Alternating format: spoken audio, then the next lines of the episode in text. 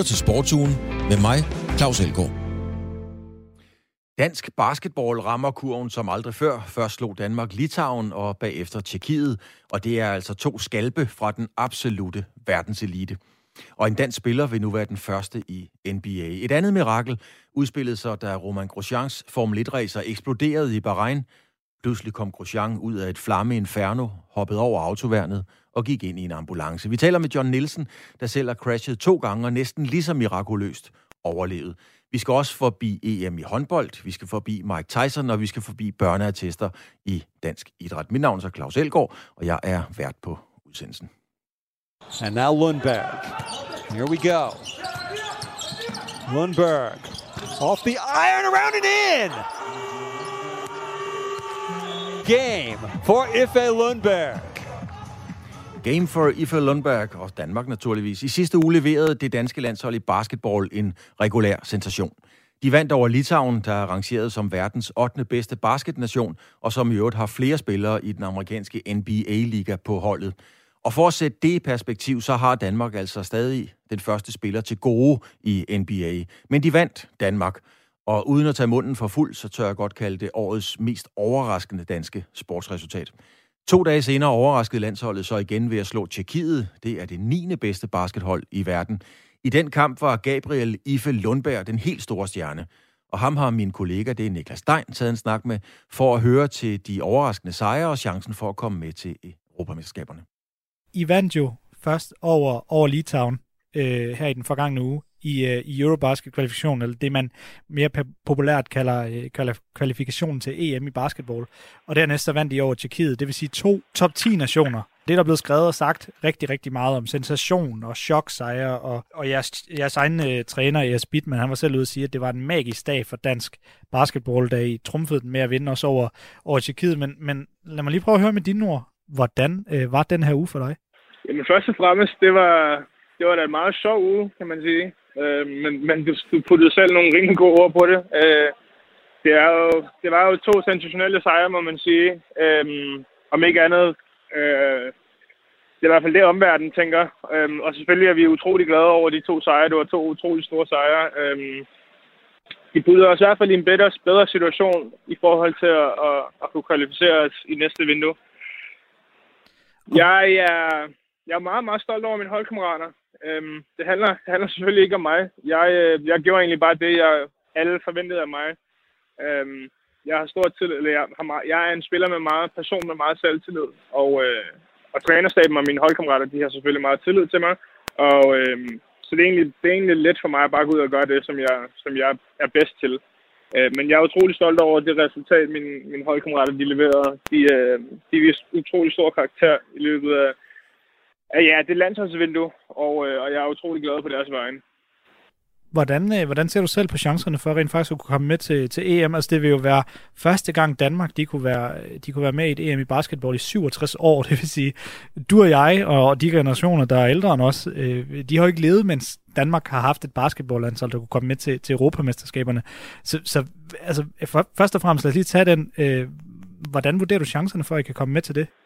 Jeg vil da sige, at jeg synes, der er reelle chancer for at kunne kvalificere sig. Øhm, jeg, jeg ved ikke, jeg vil ikke udvise særlig stor, særlig stor sports, øh, sportsånd, hvis ikke jeg troede, at vi, vi kunne gøre det. Man kan sige, nu har vi lige slået to, som du selv nævner, to af de, af de 10 bedste nationer i basketball, så, så jeg vil da sige, at alt kan ske.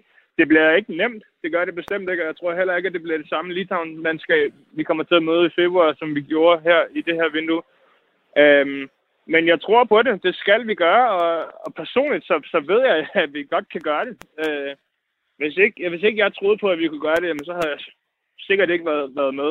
Øh, så jeg tror bestemt, at vi kan gøre det. Vi må tage det en kamp ad, sang, øh, kamp, en kamp ad gangen. Jeg er rimelig sikker på, at det er Belgien, vi har i første kamp, og, øh, og vi, ja, vi led et rimelig stort nederlag til dem på hjemmebane i første kamp. Og øh, ja, det, det sagde jeg også til gutterne, det tog jeg på mine skuldre jeg var ikke særlig god i sidste vindue, i det første vindue. Og, øh, men jeg tror på det. Jeg tror sagtens, vi kan, vi kan kvalificere os den her gang. Nu har de her to sejre, særligt den mod, mod Litauen, som jo var en kæmpe overraskelse, i hvert fald udefra set, nu har de allerede fået rigtig, rigtig meget øh, opmærksomhed. Øh, så der er kommer naturligvis den her større opmærksomhed på, øh, på, basket, øh, på basketball i Danmark lige for tiden. Hvad tror du, det her øh, det betyder, at de, at de kan hive sådan en stor sejr og tiltrække den her opmærksomhed og eventuelt komme med til, til EM? Hvad tror du, det betyder for Danmark som, øh, som basketnation? Det tror jeg, der vil betyde utrolig meget. Øhm, som du selv nævner, vi har fået meget mere eksponering end ja, formentlig nogensinde før. Og det betyder jo, at, at, at folk både i Danmark, men også øh, på verdensplan, har, er begyndt at få øjnene op for, for, at vi godt kan finde ud af at spille basket i Danmark. Og, og forhåbentlig så kan det være en inspiration til, til de kommende generationer, til de yngre, yngre gutter og gutinder, som, øh, jamen, som gerne vil spille basket, og som synes, det er rigtig, rigtig sjovt, og ikke bare øh, en hobby, og ikke synes, at det spilder tid. Øh, det bliver, som sagt, det bliver ikke nogen let opgave, men jeg tror på det, og hvis vi så endelig formår, når vi nærmer os og kvalificerer os til, øh, jamen, til slutrunden, jamen, så kommer der selvfølgelig mere omtale, og, og det kan forhåbentlig generere endnu større ting øh, for dansk basket. Men, men det her, det er uden tvivl. Vi har taget det første skridt, og, og det, det skal vi være rigtig glade for. Hvad betyder det for dig personligt at kunne være en elitesportsatlet, som, som andre ser, ser, ser frem til? Hvis, hvis der nu har siddet nogle, nogle små drenge eller piger derude foran skærmen og tænkt, det var da egentlig meget fedt, det der basket. Jeg kunne da godt tænke mig at være den nye Ife Lundberg. Hvad betyder det for dig personligt? Det betyder utrolig meget. Det er en af de årsager til, at jeg, jeg stræber efter at, at være den første dansker, der kommer i NBA. Øhm, fordi jeg, jeg netop gerne vil kunne vise til, til Basket Danmark, at vi godt kan. Øhm, vi bliver bare nødt til at, til at tro på det, hver især. Og, og så bare, ja, en ting, vi mangler, vi mangler i Danmark, det er, det er selvtillid. Det er selvtillid. Øhm, den her, jeg vil ikke sige swagger, men, men, men den her mentalitet med, at, at man rent faktisk godt kan. Og, men man skal bare nogle gange byde det, byde det sure æble, og så, og så holde ud, ærligt talt. Men, øhm, men for mig, det betyder utrolig meget, at jeg forhåbentlig kan være inspiration og et forbillede til, til mange mennesker. Øhm, fordi det er det, det hele handler om. Det handler om at gå ud og have det sjovt, og så tro på en selv. Og, øh, og det ville da være dejligt, hvis folk det kunne følge trop. Kalnietis misses in Denmark with the shock victory in Vilnius. Ja, sådan lød det altså. Det var en øh, chok-sejr i Vilnius, og nu har vi så øh, Steffen Wik med på telefon. Han er træner for Danmarks bedste basketballhold, Bakken Bears. Steffen, øh, lad os lige tage nogle af de ting ned, som IFE, det kan vi godt tillade sig at, at kalde vores øh, danske stjerne, han sagde, inden vi kigger sådan lidt bredt på basket. Hvor overraskende vil det være, hvis Danmark sikrer sig en øh, EM-billet, Steffen? Det vil være en kæmpe overraskelse, men øh, en velfortjent overraskelse og en dejlig overraskelse. Men ja, det tror jeg ikke, bookmakerne havde set komme. Er vi ude i sensation? Øh, I hvert fald for, for Basket Danmark, øh, men også for, øh, for udlandet, ja. Det, er, det vil være samme slags sensation, som hvis du ramte en træer. ja. hvor, hvor overraskende, Steffen, var det for dig, fordi du følger jo basket om nogen meget, meget tæt. Hvor overraskende var det for dig, at vi slår Litauen og Tjekkiet? Øh, selv for mig var, var det overraskende og, og, og fantastisk, øh, og det viser også noget om, om præstation. Øh, der er der jo en lille del af mig, der, der siger, at, at, at der er altså nogle fælder her, der godt kan finde ud af at gribe og kaste. Så, så hvis alt øh, øh, klikker, så, så kan de spille op med, med nogle af de bedste, og det, det synes jeg, det gjorde i den uge der. Så, så det er en sensation, men, men øh, man skal også have spillerne til det og, og, og sætte op til det for at kunne levere sensationen. Så, så sådan er det sådan, jeg kigger på det. Og så sagde Ife jo her, at han gerne vil være den første dansker i, øh, i NBA. Det er jo, der er langt til NBA fra alle lande og alle personer. Hvor realistisk er det, at han lander der? Øhm, jeg tror egentlig, at øh, jeg forstår godt spørgsmålet, men, men i, i, i den her øh, kæmpe, kæmpe sportsgren, øh, som, som vi snakker om her, og hvor NBA jo er det, det ypperste og det mest kommercielle her, øh, så handler det også rigtig meget om held og tilfældigheder. Øh, får man, får man lige peaked, når, når, når de rigtige uh, agenter og scouts uh, kigger på en, og når man så uh, lige præcis får det der lille bitte vindue, hvor man får en chance for at vise, hvad man kan. Uh, har man heldet og, og styrken og niveauet til at komme igennem det nåleøje, uh, så er der muligheder. Når det så er sagt, så ser jeg i hvert fald øh, IFE som værende helt klart den, der øh, om, om nogen har muligheden for at, at lige præcis at få alle de her planeter og, og stjerner til at stå rigtigt, sådan at han kan øh, få chancen for at, at, at træde ind på den store scene. Men øh, det er en stor scene, og det, der er ikke mange, der kommer igennem der. Steffen Vig, hvad er forklaringen på, at dansk basketball piker lige nu? Er forklaringen helt enkelt, at det var, det var sådan et øh, uh, one-hit wonder, eller er der en, en langsigtet forklaring på, at det lykkes nu? Øh, jeg tror, det er en kombination af rigtig, rigtig mange ting, øh, som, som øh, du kan sige er, er one-hit wonder, men, men altså, det, er, vi, det er jo to kampe, det er ja, hvad hedder det, 80 minutters basketball, så det, så det er jo ikke sådan, at, at, at du går op, og så laver du et slag, og så håber du, du, du rammer med rouladen her. Øh, så på den måde er det jo ikke one-hit uh, wonder. Jeg tror, der er en, en generation af spillere her, som, som tidligere har taget et valg om, at, at de egentlig vil prøve at, at at have basketball som deres primære ting. Øh, det tror jeg ikke, vi så på, på landsholdet for, for 10, 15, 20 år siden. Der var det jo altid i gang med en, med en dual career eller en triple career eller sådan nogle ting. Her er der nogle, nogle spillere, der, der virkelig har investeret og går efter øh, øh deres sportsgren. her. det tror jeg er en af, en af, af, af tingene her. Øh, så er der også hele det her øh, den meget mystiske verden, vi lever i med, med covid og boble og øh, hvem spiller og hvem spiller ikke, og har holdene spillet sammen og, og det ene og det andet.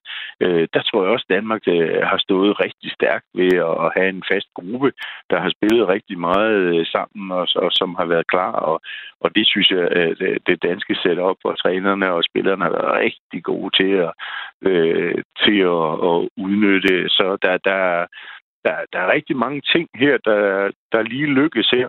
Øh, og i the end of the day, så skal man jo også øh, simpelthen være så simpel at, at ramme kurven, og det må man sige, de gjorde i de to kampe. Nu ved jeg, Steffen Vig, at øh, du er træner for Bakkenberg, så du vil ikke tage noget shine fra, fra landsholdet, så lad mig sige det. I har jo kæmpe succes også at gøre det flot, på, også i, i, i Champions League. Så det er jo over en bred kamp, at dansk basketball til synlædende øh, udvikler sig. Øh, hvor, hvor meget mere er der at give af? Jeg tror, der er en, en hel del mere at give. Jeg, jeg, øh, nu fik du shine lidt på os. Fred være med det. Øh, nu er det landsholdet, det, det, det handler om. Men der er også et, et tredje ben i det her. Det er, at, at toppen i den danske liga er blevet meget, meget, meget stærk. Og meget stærkere, end vi egentlig sådan lige... Øh, øh, øh går og, og, og tænker over, hvor vi jo altid har været lidt selvudslættende og underspillende her. Øh, de der fem-seks hold i den danske liga, de er meget dygtige, og de er, er øh, bedre end, øh, undskyld mig, de, de andre nordiske lande og, og, og mange rundt omkring i, i Europa. Så, så øh, det er egentlig det tredje ben i det her. Så, så jeg synes, at, at at der er en god sådan, der er en god, der er et godt produkt i øjeblikket, både talentudvikling og, og, og i dansk basket på, på alle niveauer. Så, så det, det, jeg tror bare, vi, vi skal erkende det. Vide i det fantastiske friske æble og sige, at vi er sgu meget gode. Nu bed jeg mærke i, at, øh, at Ilfe, han sagde, at øh, i dansk basket, der mangler vi øh, selvtillid. Kan du kende det fra træningen, og kan de her to sejre gøre noget? Kan du bruge det aktivt i forhold til at sige, I behøver altså ikke at bukke nakken, når I møder de store, de store klubber og, og lande? Jamen, det kan jeg jo kun støtte op omkring. Jeg kan huske for, for ikke antal år siden, hvor vi første gang lykkedes os at gå videre til, til, til Final Four i, i, i FIBA Eurocup, og hvor vi sad og tænkte, at det var et rent H.C. Andersen-eventyr her. Øh, senere vi har fundet ud af, at, øh, at både vi og H.C. Andersen har altså skrevet mere end en bog. Ikke? Så, så øh, jeg, jeg tror på en eller anden måde, at vi bare må erkende, at, at øh, vi godt kan det her. At, at der er nogen, der tager nogle, nogle valg, og, og øh, vi godt leverer her. Øh, det, det, så simpelt er det. Så simpelt kan det sige, så fortælles Steffen Wig, træner Bakkenbergs. Tak for din øh, analyse og indsigt i, øh, i, i det, der lige er sket, at vi slår altså Tjekkiet og, øh, og Litauen. Og ja, hvis man ikke lige er, er interesseret i basket, så lyder det måske ikke så voldsomt, men det er faktisk to helt vilde resultater. Tak skal du have, Steffen Wig, fordi du var med. Selv tak. Og vi bliver ved med at zoome ind på basketlandsholdets øh, vilde uge, kan man roligt kalde det. Vi skal nemlig konkretisere præcist, hvor overraskende de to resultater mod Litauen og Tjekkiet var. Og til at gøre os klogere på det, har vi nu Peter Emike Rasmussen med. Han er oddsætter hos Danske Spil. Peter, øh, det var særligt sejren over Litauen, der var overraskende for nu at snakke i det sprog, I bruger i danske spil. Øh, hvor stort var oddset så på den danske øh, basketsejr over Litauen? Ja, vi havde øh, odds 14 til, øh, til dansk sejr øh, imod Litauen, og det svarer sådan til, at vi vurderer en, en 6-7% chance for, at Danmark ville, ville gå hen og vinde den kamp. Der er andre udbydere, dem skal du ikke stå til regnskab for, de var op omkring øh, mellem odds 30 og, og odds 40. Øhm, kan man sammenligne det her med, med tidligere i november, der vandt Aalborg håndbold over Vestprem i, i mændenes øh, Champions League? Også en stor sensation. Altså, hvor er vi henne på skalaen i den sammenhæng? Jamen, det, det er et meget godt sammenligningsgrundlag. Øh, der har jeg lige kigget tilbage også. Der havde vi også 15 på sådan en Aalborg-sejr. Øh, og, og jeg vil sige det sådan, som vi også har snakket om lige, eller det blev snakket om lige før, det her med, at man, at man måske også har haft gode muligheder for at træne i Danmark. Øh, det har måske også gjort, at, at vores forudsætninger måske har været lidt bedre i forhold til øh, konkurrenterne, og dermed kan man sige, at overraskelsen måske har, har kunnet lure øh, lidt bedre øh, lige på det punkt her, end, end den måske har gjort tidligere, hvor, hvor det ikke har været, hvad kan man sige, coronatider. Hvad, hvad betyder sådan to sejre for jeres... Øh, det er jo et marked, altså for, for de penge, der nu bliver satset omkring basketball. Kan I mærke en stigning, eller tror du, I vil kunne mærke en stigning omkring indsatser på basket? Altså, der er ingen tvivl om, at når vi så kommer til februar, hvor øh, de her afgørende, to afgørende kampe skal spilles øh, for at komme til EM, så tror jeg helt sikkert, at vi øh, vil kunne mærke en, øh, en større interesse end nok den, der lige har været på nuværende tidspunkt. Det skal siges, at, øh, at, øh, at basketball har ikke den helt store interesse i Danmark øh, sammenlignet med fodbold eller eksempelvis håndbold. Men, men det er jo lige netop sådan en sejr, som, eller de her sejre imod øh, Litauen og Tjekkiet, der gør, at, at interessen den selvfølgelig vil, øh, forhåbentlig vil stige. Hvor mange, øh, hvor mange spillede på, på sådan en kamp? Altså, og, og var der nogen, der spillede på Danmark? Fordi altså, der, okay. der var nogle enkelte kunder, øh, som spillede på dansk sejr til odds 14, øh, inden kampen gik i gang. Og så er det jo sådan, at når så øh, kampene går i gang, øh, så er der jo live betting, og, og, og så øh, har der også været kunder, der har spillet på, på dansk sejr der. Og der har også øh, så dalet i løbet af kampen i forhold til øh, kampens udvikling, og at, at vi jo så i sidste ende endte med at vinde. Hvordan er det, når nu I skal sætte et odds på sådan en kamp? Øh, jeg har lagt mærke til hos danske spillere, når danskerne er på banen i, i en eller anden, så er jeg også måske nogle gange trykket ned en lille bitte smule. Men, men hvordan går I egentlig ud fra at sætte og lave et odds? Hvad kigger man på? Litauen Danmark, hvordan starter I på det? Jamen altså, øh, for det første vil jeg starte med at sige, at jeg ikke er basketballkyndig på, den, på det punkt. Altså, jeg er ikke eksperten øh, fra os af, men, men, øh, men, men, men overordnet set, så er det jo samme øh, kan man sige, øh, faktorer, vi går ud fra. Så vi kigger jo på øh, de to holds, kan man sige, øh, styrke, hvor, hvordan ligger de på verdensranglisten, øh, hvad er der på spil i den her kamp, øh, hvilke spillere er med, øh, og, og, og, og hvad har vi af sammenligninger af, af, kan man sige, af lignende kampe? Har Danmark mødt nogle tilsvarende hold øh, på samme niveau, eller har Litauen mødt nogle tilsvarende hold? Og så har vi jo en historik, kan man sige, øh, på, på, med nogle odds, som man kan, kan forholde sig til. Og i sidste ende, som du også selv nævnte lige før, så forholder man sig også til, hvordan resten af verden reagerer på sådan en, øh, på sådan en en basketballkamp, altså hvordan oddsene er rundt omkring. Øh, og der kan man så sige, du nævner nogen, der havde odds 30 og mere, jamen så har de måske ikke... Øh, øh, jeg, jeg vil gå ud fra, at de så nok har, har haft en større risici på Danmark, end, end vi har haft, øh, i og med, at der også var andre udbydere, der lå nede omkring vores odds 14. Hvordan er det generelt her til sidst øh, at, at lave odds i en coronatid? Fordi I ved jo aldrig, hvem der lige pludselig mangler tre spillere, eller har, øh, ikke kan spille på hjemmebane osv. Der er mange, der er mange ukendte faktorer. Er det en svær tid at sætte odds i? Det, det, er, det er faktisk en rigtig svær tid, øh, og vi, øh, hvis jeg må øh, hoppe over til den her forestående EM-slutrunde, der er i håndbold her fra i aften af, der har vi rigtig mange fakt- altså issues i det, fordi øh, nu er der en rumænsk spiller, der har været ude. Har det så haft betydning for, om der er flere rumænere, der er blevet smittet og, og så fremdeles? Så, så det er faktisk ret svært at, hvad skal man sige, at være up-to-date hele tiden. Vi har et Formel 1-løb her til weekenden, hvor verdensmesteren er ude. Øh, en ny skener er stat ham. Det er en af dem, der plejer at give et kæmpe højt odds. Han, øh, Russell, han skal pludselig være, være øh, øh, køre øh, i stedet for Hamilton og, og køre den gode bil. Så der er, der er rigtig mange ting, som, øh, som øh, vi skal være opmærksomme på. Og, og det, er, det er, kan også være til gene for, for vores kunder desværre, fordi så må vi vente med at åbne nogle spil, som vi normalt har haft i spil i en uge før. De bliver måske først åbnet øh, 24 timer eller 48 timer før, fordi vi ligesom også skal kende, øh, hvilke øh, spillere, øh, der er med. Peter Emmike Rasmussen, oddsætter hos øh, Danske Spil. Øh, tak for øh, indblikket i det, og så kan man da sige til dem, der har lyst til at bruge en 20, eller hvad de har lyst til at bruge, at der ligger måske lige præcis i coronatiden nogle øh, friske luringer og venter derude på den lange, eller på oddset, eller hvor man nu vælger at gøre sine indsatser. Peter, tak fordi du har tid til at være med. Det var så lidt.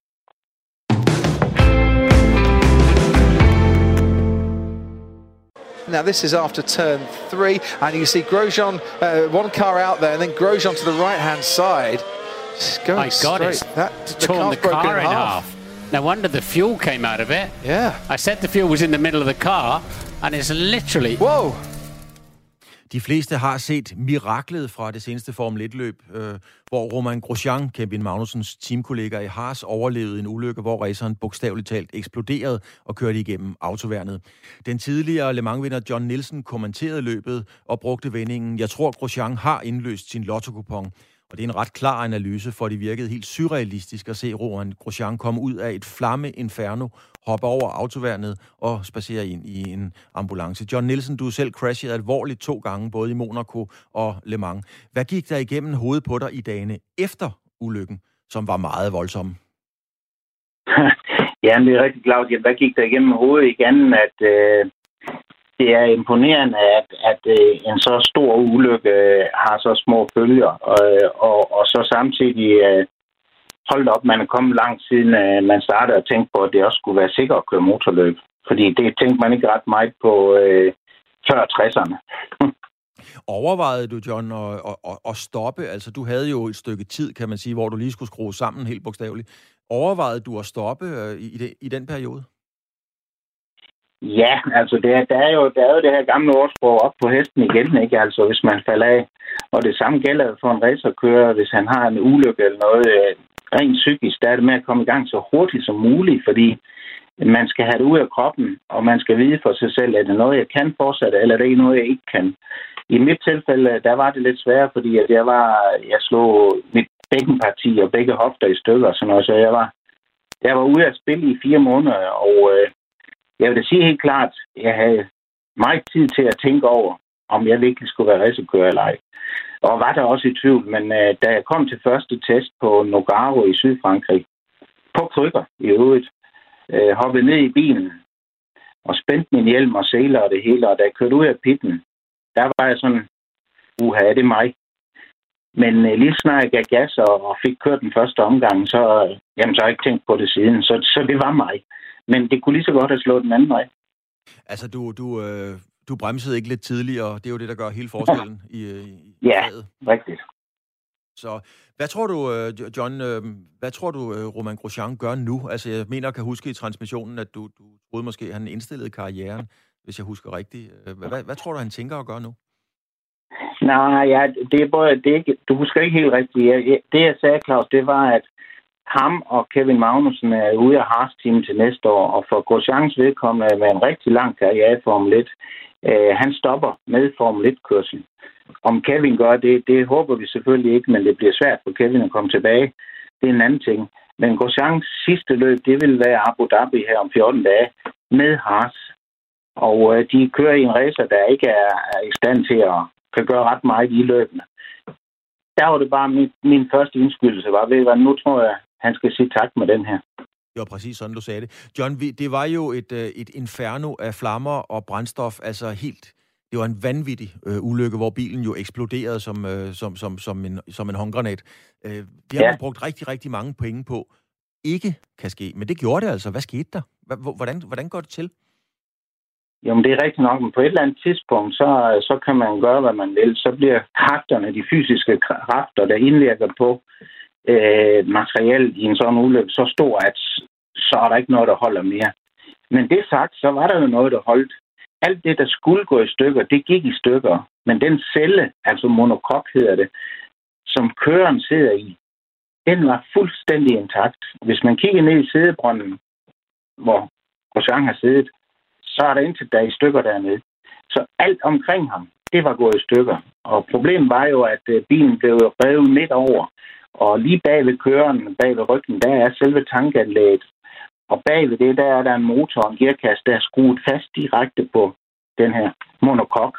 Og det blev simpelthen revet fra hinanden, og derved splittede tanken også. Ja, lad os lige blive ved tanken, John, fordi prøv lige at beskrive, ja. øh, fordi det er jo ikke sådan en fast tank, som jeg forstår det, som der sidder i, i min øh, beskedende bil. Hvad er det, hvordan, hvordan fungerer den tank, der er i en Formel 1'er? Nej, det er fuldstændig rigtigt. Det er, det er en tank, som også er der i flyvemaskiner. Altså, det er en gummibæl, der, der ligger inde i det her kulfiberchassis. Og den her gummibæl, den er armeret med kar, øh, hvad hedder det, keflon. Kevlar. Og det gør, at den faktisk øh, næsten er umulig at rive i stykker. Det passer ikke, men du kan godt stå med, med en eller anden rifle og stå og skyde på den. Der går ikke hul i den her tank. Men igen, kræfterne var så store, at øh, der var ikke noget, der kunne holde. Man har jo også i alle benzinledninger og sådan noget, lige snart de bliver revet fra hinanden, så er der envejsventiler, så der kommer en drøb eller to ud, og så stopper det med det samme. Men vi var jo starten af løbet. Der var lige tanket cirka 100 kilo benzin på bilen. Og øh, han kørte første omgang, så der var, der var omkring, ja, i liter var der, var der lidt over 100 liter. Øh, lige pludselig kommer der en gnist til det, jamen så ser vi det flammerhav, vi gjorde. Som jo blev forstærket af, at det var under, under kunstig belysning selve løbet, så det så endnu værre ud øh, sådan optisk. Hvad gør Formel 1 øh, hele setup'et nu for at undgå øh, det sker igen? Fordi vi har jo heldigvis været befriet for den slags øh, ulykker et stykke tid, kan man sige. Så, så hvad, hvad gør Formel 1 nu? Hvad er deres vigtigste opgave nu? Jamen, det er sådan, at Formel 1 i dag, den er udstyret med en enorm række sens- sensorer, øh, Øh, og også kamera. For eksempel har FIA et skjult, eller ikke et skjult, men de har et kamera bygget ind lige foran rettet, som peger op mod køreren, øh, som tager øh, 400 billeder per sekund. Øh, med andre ord, når man skiller det af, så kan man gå meget detaljeret ind og, se, hvad der sker under et, en ulykke. Øh, det er ikke et kamera, vi som ser og har noget med at gøre, og kørende heller ikke, men det er for at analysere det, der sker. For eksempel, hvordan den her Hans, som man har, Heck and Net Support hedder det. Det er sådan en, en, en kulfiberbøjle, man har fast på skuldrene med nogle stropper op til hjelmen, der stopper hjelmen fra, og hvis man kører frontal ind i noget, man får, hvad hedder det, piskesmæld. Øh, hvordan holder det, og hvordan er visiret i forhold til øh, branden, varmen og sådan noget. Det kan man kigge på, og så har man det, det hedder biometriske handsker, øh, så man også kan følge kørens pulsslag og ild i blodet og blodtryk og alt muligt under ulykken. Alle er, plus mange andre sensorer.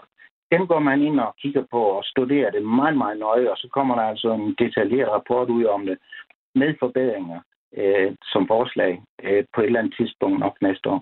Lige til sidst, John, jeg kunne høre på min øh, gode ven og tidligere kollega fra TV2, Jens Hansen, som du kommenterer sammen med, øh, mens ja. vi ikke rigtig ved, hvad der sker. Jeg kunne høre, at Jens skulle bruge meget energi på at holde sammen på sig selv.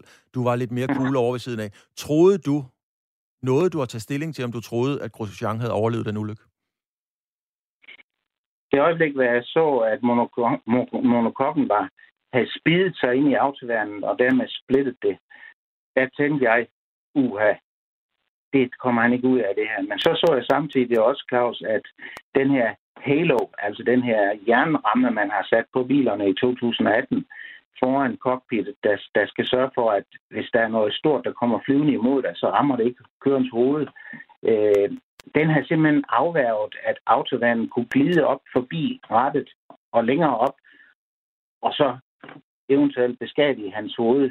Øh, det havde den afværget, og derfor var jeg sikker på, at han ikke fysisk var slået i stykker, men han kunne sagtens have været bevidstløs eller noget, og dermed ikke have været i stand til at hoppe ud af bilen. Det var jo det, der var det store spørgsmål, fordi at det tøj, han er på, det er designet til at modstå flammer i 11-12 sekunder, sådan 600-800 grader.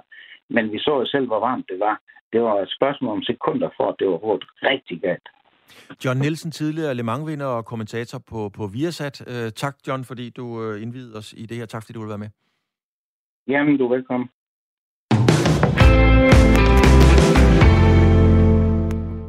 Man skal altså op på mirakelniveau for at beskrive, hvordan Grosjean overlevede ulykken. Og så skal det også retfærdigvis siges, som John Nielsen også fortalte, at der er ekstreme sikkerhedsforanstaltninger i og omkring Formel 1-bilerne øh, og i de store motorsportsklasser generelt. Og den udvikling og sikkerhed kan man også en gang imellem få glæde af i almindelige gadeviler i alle prisklasser. Det er ikke alle spin-offs, der lykkes. Øh, det er det, vi kalder spin-off, og det er produkter, som bilmærkerne kan og prøver at implementere i deres biler til almindelig brug. Claus Eberfeldt, du er øh, motorsportsekspert, både historisk og up-to-date, ikke mindst. Du kommenterer motorsport, og du arbejder med biler til daglig i Selected Car Investment, hvor du er commercial director med biler for, det kan vi roligt sige, for fejnsmækkere i den øverste klasse. Claus, er der nogle eksempler på spin-off, altså hvor vi får glæde i vores gadebil af, øh, hvad der kommer fra motorsporten? Ja, det er der da. Vi skal efter min bedste overbevisning nogle år tilbage, men jeg tror, det største spin-off, det som flest mennesker har haft glæde af, det er øh, motorstyring. Og det var, øh, det var øh, tvunget i gang udviklingsmæssigt af primært Formel 1 og Gruppe C-bilerne i øh, midten af, af 80'erne, hvor der var en øh, forbrugsformel, hvor det handlede om, at øh, de her biler havde et meget begrænset øh, antal liter brændstof til rådighed.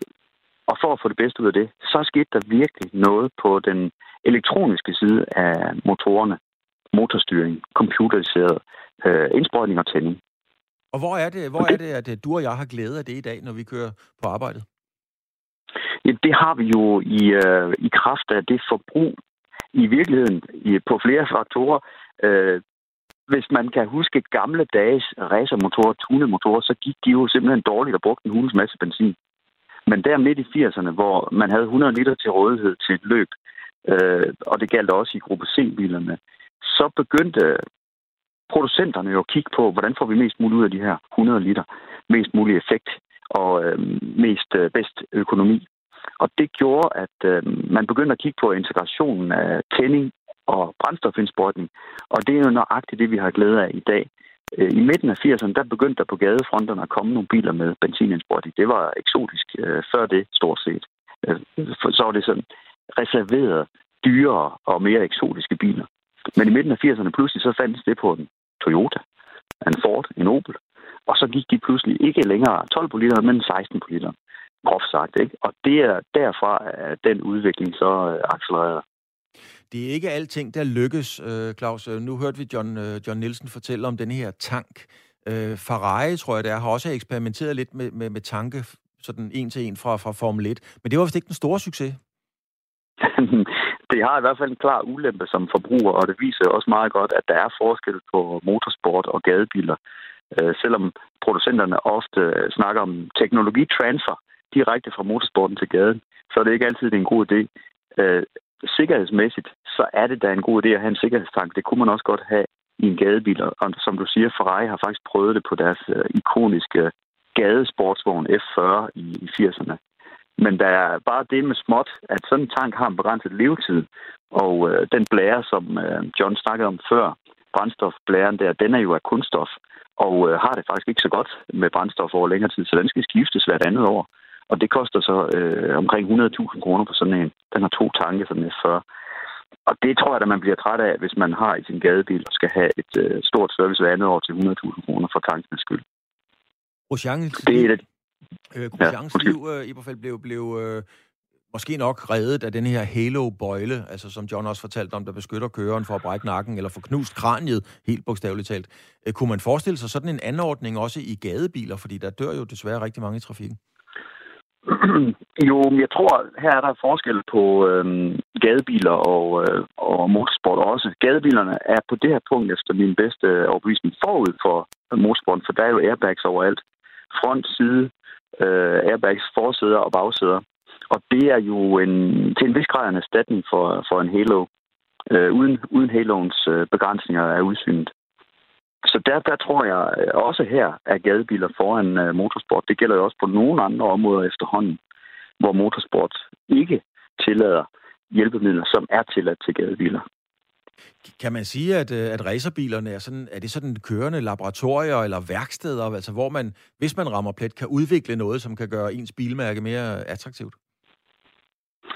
Jamen, i det omfang, at for eksempel, at man har en øh, begrænsning på den øh, til rådighed værende mængde brændstof, så vil det jo være sådan, at øh, bilproducenterne fortsætter med at optimere på det. Og det er, i det omfang det er elektronisk eller materialebestemt, så er det noget, der vil kunne overføres til gadebrug. Så det, det tror jeg da. Hvordan oplevede du, nu hørte vi John Nielsen, som jo øh, selv har prøvet det to gange, øh, Claus, hvordan oplevede du øh, selve ulykken? Jamen, det, det så jo voldsomt, voldsomt ud, og jeg hørte også Johns øh, forudsigelse, forudsigelse, det lignede ikke noget, man kunne øh, gå væk fra bagefter. Og øh, konklusionen er selvfølgelig, at øh, et af de materialemæssige fremskridt, der er sket, det må jo det må sige at være kulfiber-carbon-teknologi, som også så småt er kommet ind i, i gadebiler nu. Det er så stærkt, og, og computer udregne, hvordan øh, kræfterne skal fordeles ud i øh, chassiset, når der sker en ulykke. Det er så genialt gennemarbejdet og gennemtænkt, at man kan overleve sådan en ulykke. Det viser godt nok et fremskridt i forhold til motorsport for bare 20 år siden. Tak skal du have, Claus Eber, Eberfeldt, altså motorsports ekspert, kommentator og nu på Selected Car Investment. Tak for indblikket i, øh, i de her biler. God dag. Velbekomme, Claus. Tak skal du have.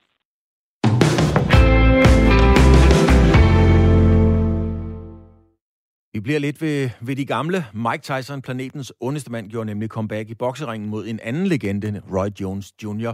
Det var i en opvisningskamp med specielle regler. Bokserne måtte ikke slå hinanden ud, handskerne var lidt større, og omgangene var som skåret ned fra 3 til 2 minutter. Kampen endte uafgjort.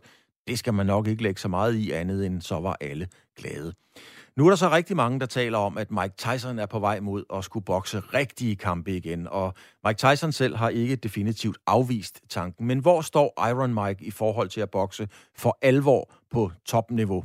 Det kan du komme med et bud på, Brian Mathiasen, bokse, træner, bokse, ekspert, kommentator igennem rigtig, rigtig mange år. Brian, vi havde det også igennem i, i sportsugen, da kampen blev annonceret i maj, og lad os lige hurtigt øh, høre, hvad du sagde øh, dengang hvis det er en kamp, og han mener, at han seriøst vil gøre comeback og begynde at bokse om, om noget, øh, for eksempel titler osv., så, så synes jeg, det, det, er en, det må være en april snart. En april snart, sagde du dengang, Brian. Øh, øh, men det viste så, at den var god nok. Brian, helt fagligt, boksemæssigt, hvor står Mike Tyson i dag? Hvordan så han ud i ringen? Øh, ja, han så jo, han så jo fit ud. Han var, han var kommet i rigtig god form. Og, øhm, og han kunne sikkert også, også godt fortælle en, at han er klar til en VM-kamp næste gang, hvis ikke man ved noget om boksning.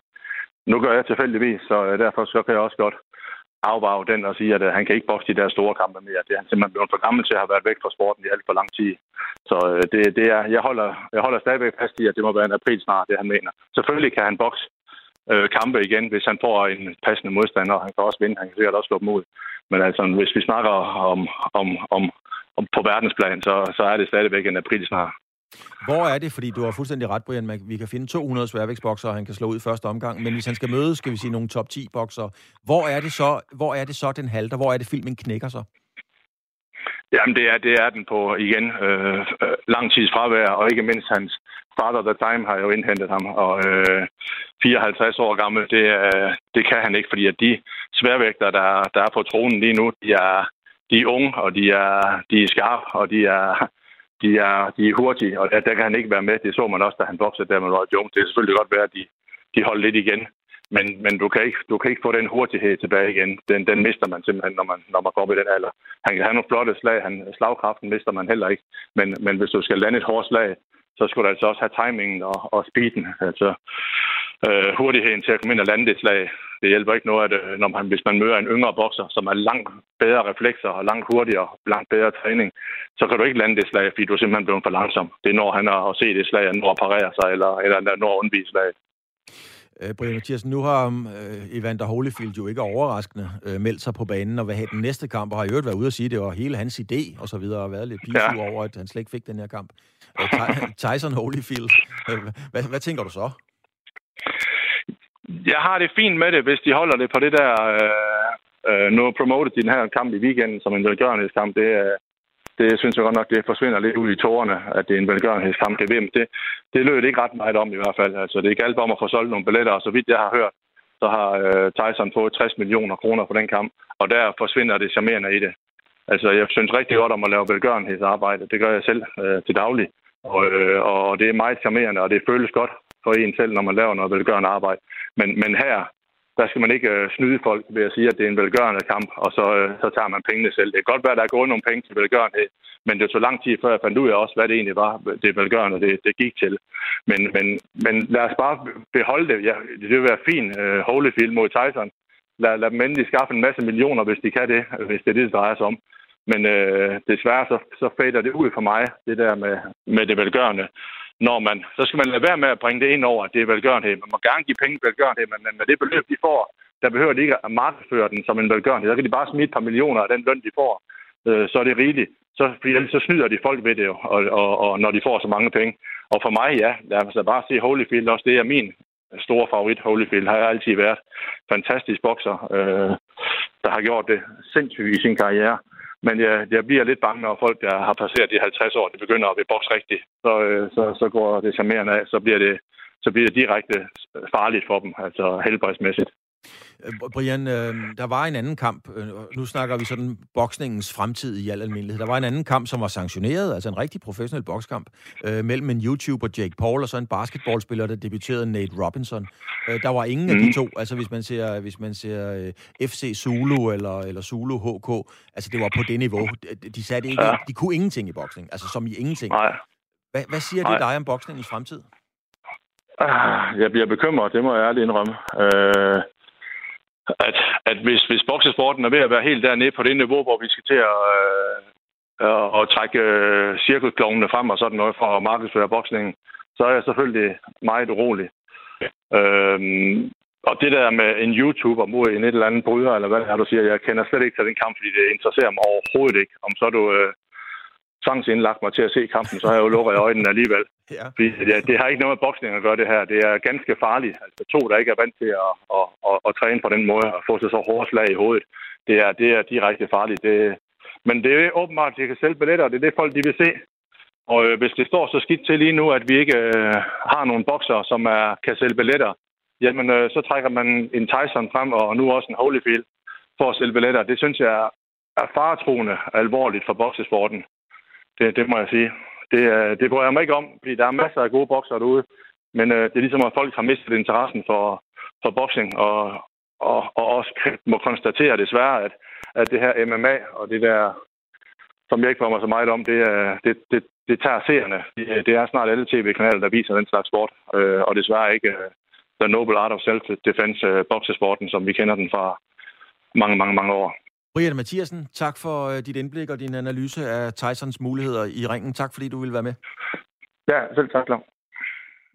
Når man skal være træner i en øh, fodboldklub, håndboldklub eller en anden sportsgren, så skal man lige en tur forbi politistationen og få udleveret en såkaldt børneattest. Den skal selvfølgelig være ren, og den skal fremvises, og sådan har reglerne i øvrigt været længe. Men alligevel har overgrebsmænd haft frit spil til at træne unge mennesker i Danmark, selvom de kan være dømt for overgreb på børn og unge.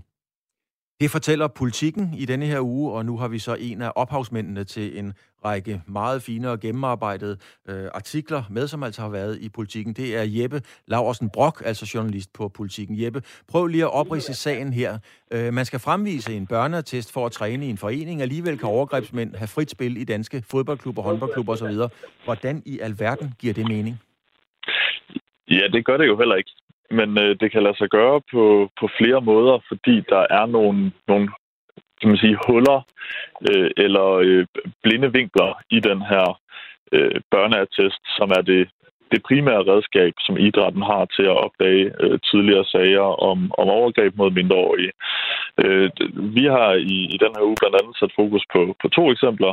For eksempel så øh, øh, indeholder børneattesterne ikke øh, kriminalitet, som udlændinge har begået i øh, ja, udlandet.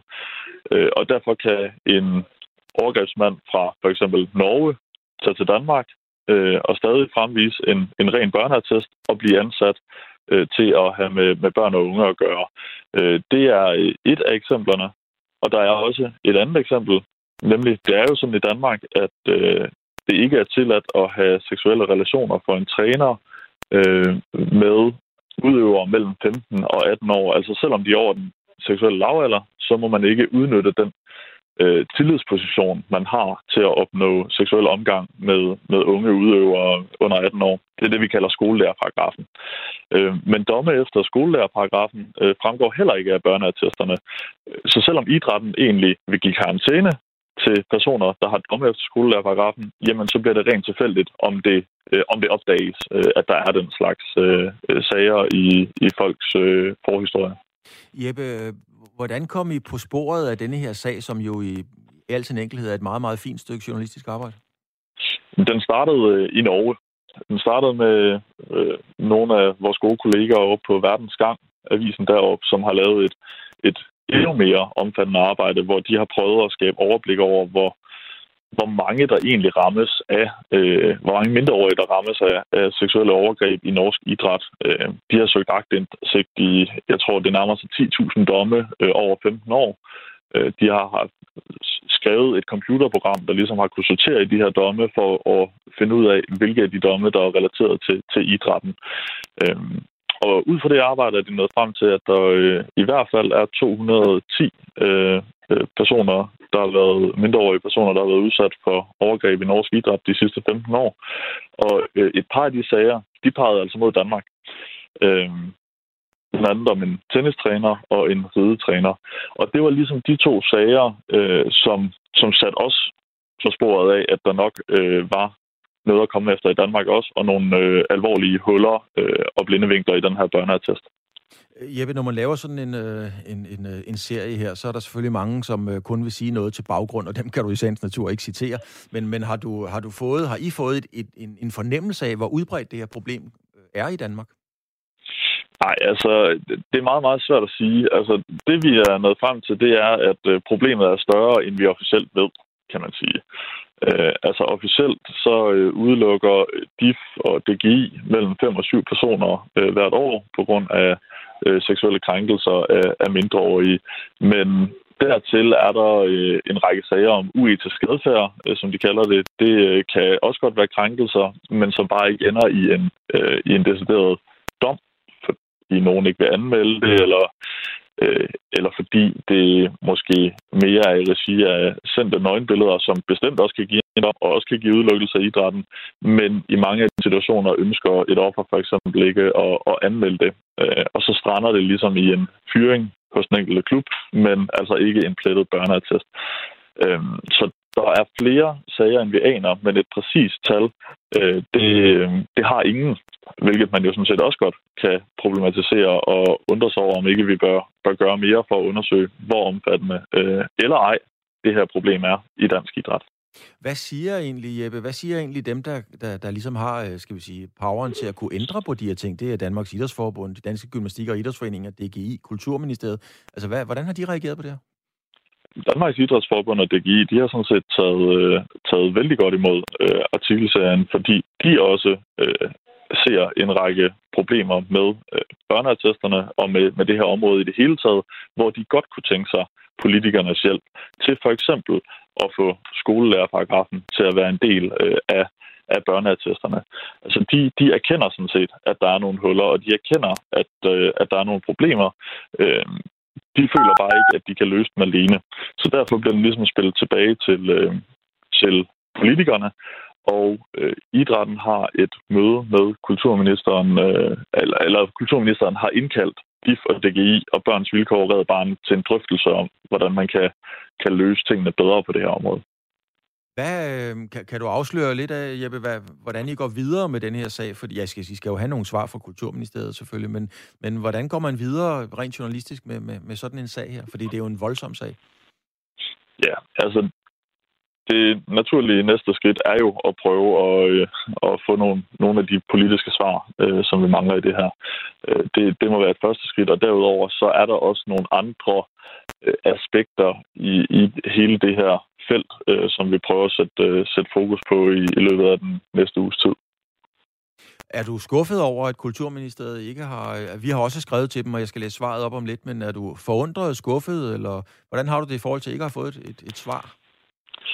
Nej, det, altså, der synes jeg egentlig, det er rimeligt nok, at de gerne vil mødes med øh, nogle parter på området øh, først. Altså, det er, det er vel okay, at man skal undersøge tingene grundigt, før man bare øh, øh, lover brud og bedring øh, på det ene, ene eller andet område.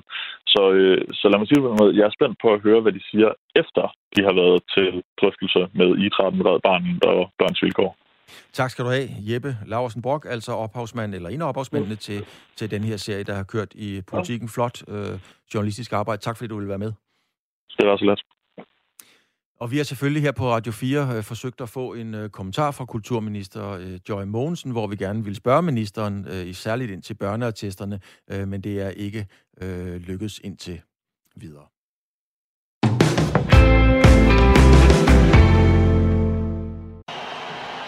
Oh, brilliant play, but saved by Linu. And the whole bench jump up, and Glusser can't believe it either. They beat the French defence, got the ball in behind. But Linu, save number seven. Ja, sådan her lød det, da der sidste gang blev spillet EM i håndbold for kvinder. Det var i 18, hvor Frankrig vandt på hjemmebane. Og i baggrunden kan man høre masser af tilskuere, sådan kommer det ikke til at lyde. I denne her omgang i dag begynder EM i håndbold for kvinder. Det har været en meget turbulent optakt. Norge trak sig som vært, og nu foregår det hele altså i Danmark, og det begynder i aften kl. 18 med Rumænien, der møder Tyskland i Kolding, og i morgen skal de danske kvinder så på banen mod Slovenien. Der er meget at snakke om, og en af de rigtig gode at snakke med, med det om, det er jo dig, Kenneth Thyssen, journalist på Jyllandsposten med speciale i håndbold. Kenneth, er det her den mest kaotiske sports håndboldturnering, du har været med til at dække den, altså allerede inden den er kommet i gang? Ja, det, det må man sige, det er. Det må man sige. Det, det har været enormt kaotisk og enormt øh, mærkeligt at, at, at være en del af, og vi er jo som journalister jo ikke engang øh, helt inde, som, som spillerne og staben er. Øh, men alle de her retningslinjer, det her skøre forløb med øh, både med Norge, som siger fra, om Danmark overhovedet kan afholde mesterskabet til, at de de ender med at afholde det selv i Danmark øh, og til alle de her restriktioner, der nu er kommet med, man er delt op i alverdens bobler, og man skal testes øh, hver femte dag, og hvad ved jeg. Så det, det er enormt, enormt specielt. Hvad, hvad tror du, det får af indflydelse på det rent sportslige? Fordi nu går vi ud fra, nu spiller de, og, og, og nogle hold vinder, og nogle taber. Kommer det her til at ændre på, på skal vi sige, favoritværdigheden i forhold til en normal turnering?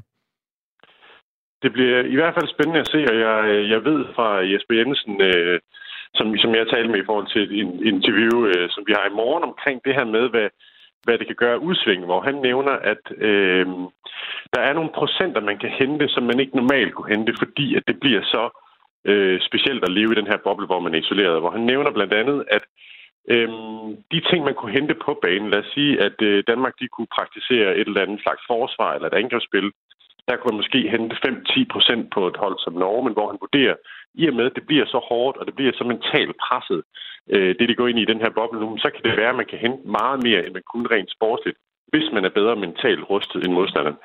Øh, og han tror i hvert fald selv på, at øh, vi kommer til at se nogle, øh, nogle hold, som overpræsterer, fordi de får et mentalt boost, som andre ikke har, og øh, samtidig nogle hold, øh, der falder helt igennem. Så jeg, jeg, jeg, og jeg lægger mig lidt lidt om, hvad, hvad Jesper Jensen han siger, for jeg, jeg, jeg tror, det kan blive, øh, ligesom jeg set i fodboldverdenen, øh, kan vi få nogle, nogle meget, meget specielle resultater i, i ly af, af coronaen. Hvad er din øh, faglige vurdering øh, af, af Danmarks øh, chancer, og nu snakker vi til at stå øverst? Jeg har svært ved at forestille mig, at, øh, at Danmark øh, kommer i en finale. Øh, jeg kan godt se dem som en lille outsider til en semifinale, hvis alt flasker sig, men på nuværende tidspunkt, så synes jeg, at holdet øh, mangler den, den sidste karakter for at kunne være med blandt de, de sidste fire, som ellers er øh, Dansk Håndboldforbunds klare ambition til hvert mesterskab. Øhm, der er selvfølgelig en masse usikkerhed, som du også nævner her i forbindelse med, at det er et, et mesterskab, som er helt anderledes end, end nogensinde før. Men jeg vil sige, at de, de danske spillere har en, en god chance for at gå ud for puljen, og så går man over i en mellemrunde, hvor der venter også en række svære kampe. Flasker altså, ja, så kan det blive en semifinale, men øh, jeg tror øh, godt på, at, at mellemrunden, og det er også alle bookmakerne siger, at det kan blive endestationen for, for nuværende. Og øh, er du enig i alle dem, der melder Norge op som, øh, som dem, man skal vinde over for at få guld? Øh, ja, det vil jeg sige, det er. Øh, nu øh, var jeg ude at dække de to danske kampe mod Norge i, i Vejle i sidste uge, og øh, Norge foldede sig ikke ud, men de har bare et øh, fuldstændig fantastisk godt hold. Øh, den bagkæde, de har med Stine Oftedal og Nora Mørk og Verona Christiansen, det, det er på en helt, helt anden hylde end både Danmark og synes også end øh, nogle af de andre lande. Frankrig, Rusland er også to rigtig, rigtig skarpe nationer, men, men Norge, det er, det er et voldsomt hold med en kæmpe stor rutine, og de har jo vundet jeg tror, det er en 27 medaljer de sidste 30 år. Så de, de ved, hvad det drejer sig om. Og nu har de fået en masse skadede spillere tilbage, så det, jeg tror, de fleste bliver overrasket over, hvis nu Norge ikke i hvert fald ender i finalen, og, og ikke ender med et guld også. Kenneth Thyssen, journalist på Jyllandsposten, og det er jo med speciale i håndbold. Du er en kær gæst her i programmet. Tak for din øh, analyse og forudsigelser for, hvordan det går til håndbold -læren. Lad os nu få spillet noget god håndbold og, og håbe det bedste hold vinder. Tak skal du have, Kenneth. Selv tak, Claus. Og det er så småt ved at være slut på øh, sportsugen. Det er det faktisk om 20 sekunder. Jeg kan lige nå at fortælle, at øh, Ståle Solbakken er rent faktisk blevet ansat som øh, ny landstræner for det norske fodboldlandshold, efter at han jo noget overraskende, må man sige, forlod FC København. Og Ståle Solbakken har første arbejdsdag allerede den øh, 7. december